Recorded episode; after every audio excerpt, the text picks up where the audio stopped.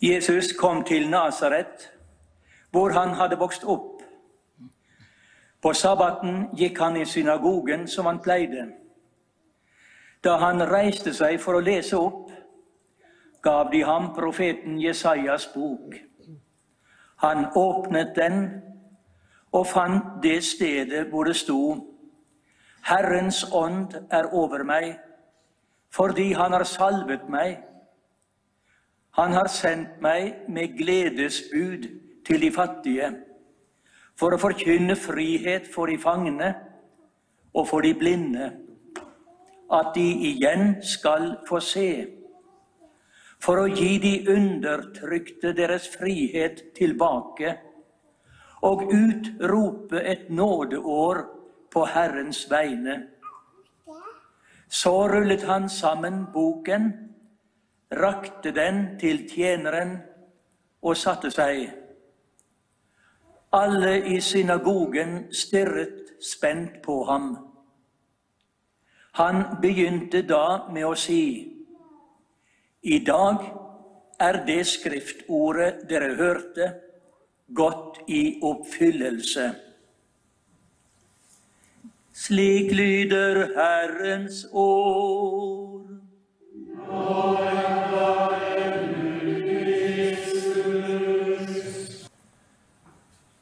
Er i ferd med å feire ritualer som begås kun én gang i året.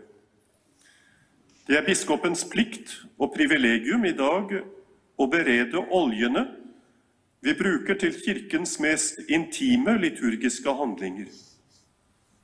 Først de sykes olje, som salver oss med frelse når helsen svikter og når døden er nær.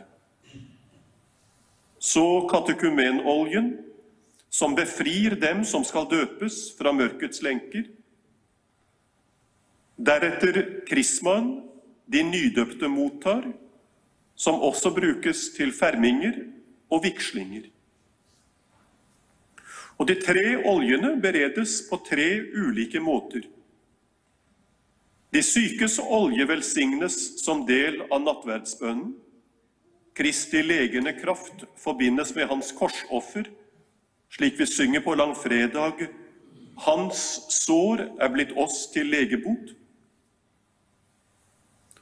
Katekumenoljen velsignes etter messen i et formular som henviser til Jesu dåp, for at de som salves, modig skal ta på seg det kristne livs oppgaver. Krismaen til slutt velsignes ikke, den konsekreres ved at biskopen ånder over oljen iblandet duftende essenser, og deretter ber en storslagen konsekrasjonsbønn, en av de vakreste tekstene Kirken gir oss i løpet av året. Alle de forsamlede prestene virker som medkonsekratorer. Så jeg vil gjerne si noen ord nettopp om den hellige krisma, som er så ulik all annen materie. Ifølge tradisjonen tilberedte apostlene den opprinnelige krisma med oljene og krydderurtene som kvinnene hadde brakt til Jesu grav på påskemorgen. De ville salve Herrens lik. De fant han dog ikke død, men levende. Salvelsen som var tiltenkt hans levninger, ble isteden et redskap for å videreformidle hans oppstandelseskraft. Og Det fortelles at de tolv apostler, da de spredte seg for å føre evangeliet til jordens ender, tok med seg en porsjon av denne urkrismaen. Det er en tradisjon som befestet seg særlig i Alexandria i Egypt, et av kirkens aller første bispeseter, grunnlagt av Markus, evangelisten, på oppdrag av Peter. Og den dag i dag er det ene og alene patriarken av Alexandria som får blande krisma på hele den koptisk-ortodokse kirkes vegne. Dagens patriark Tavdaros gjorde det i fjor, for bare 40. gang i sin kirkes 2000 år lange historie. Ved hver ny konsekrasjon av krisma blandes litt av den gamle krismaen inn i den nye, lik en slags flytende surdeig. Og Derfor kan kopterne snakke om et sakrament i konkret og materiell kontinuitet med apostlenes virksomhet. Skeptiske som vi er, rister vi kanskje litt på hodet av en sånn forestilling. Det skal vi ikke gjøre. Greit nok, det finnes knapt noe måleinstrument som vil bevise at et element av apostolisk krisma er med i substansen som brukes nå til hellige handlinger, men billedlig er det ikke noe å betvile. Samme bilde ligger til grunn for vårt begrep om den apostoliske suksesjon, suksesjonen som sikrer gyldigheten i vigslingen til oss som sitter her som deres prester, innsatt til å feire de hellige mysterier på hele Kirkens vegne og til hele Kirkens oppbyggelse. Hver enkelt av oss kan spore sin ordinasjon ved håndspåleggelse tilbake til apostolisk tid, og det er noe fabelaktig. Prestedømmet er ikke et embete. Prestedømmet er heller ikke en jobb. Prestedømmet er en berøring av Den hellige ånd, formidlet ved at ett velsignet menneske berører et annet menneske velsignende. Tenk på begynnelsen av Johannes første brev, hvor det står Det var fra opphavet av, og vi har hørt det og sett det med våre øyne. Vi har skuet det, våre hender rørte ved det. Den kristne åpenbaring er ingen abstrakt idé. Den kristne åpenbaring er til å ta og føle på. Berøring er noe grunnleggende menneskelig, noe vi alle har behov for, men noe som er omgitt av smertefull uklarhet i vår tid.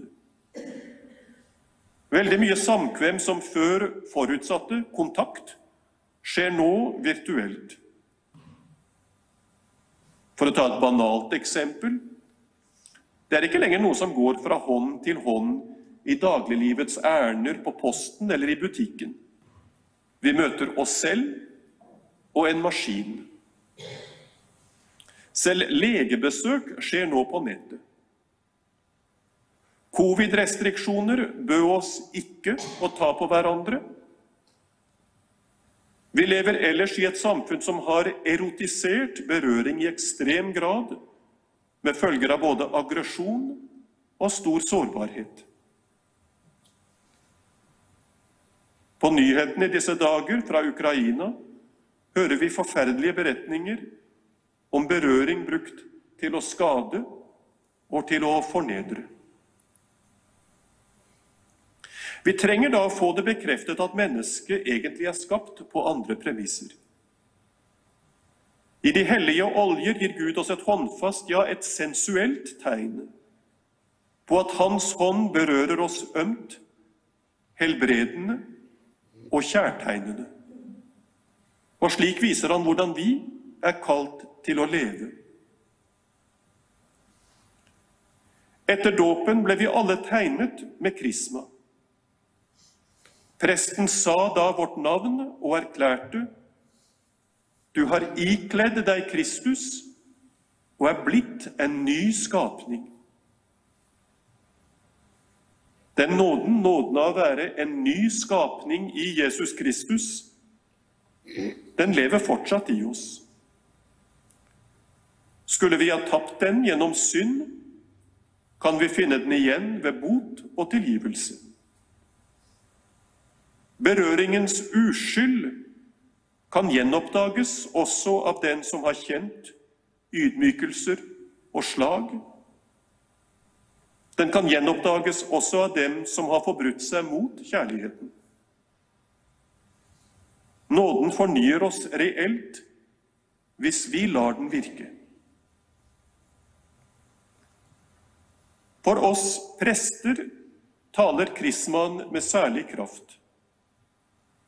På vår ordinasjonsdag, da våre hender ble krismert, så var det for at de, våre hender, fra den dag av og i evighet skulle tjene et hellig formål, et dobbelt hellig formål, som det står i ordinasjonsritualet, å helliggjøre det kristne folk og frembare offer for Gud. Det er derfor en prest har to hender. Og det uttrykker prestens kall i et nøtteskall. Han er satt til å være en bærer av hellighet og et ofrende nærvær. Først og fremst legger han hver dag i forening med Kristus sitt eget liv på alteret som et offer.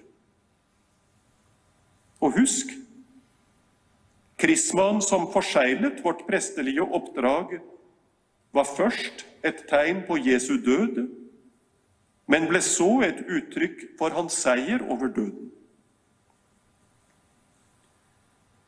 I dag lover vi, mine brødre i presteskapet og jeg, på nytt ved nåde, vår trofasthet til kallet Gud ved nåde har gitt oss. Og jeg ber dere be for oss, og be at andre også vil slutte seg til oss Prestens kall er et vidunderlig kall. Prestens kall er ikke hans eiendom. Det er en gave han mottar helt ufortjent på hele Guds folks vegne. Og alle er vi kalt til å utøve for andre den godhet som Gud har vist oss.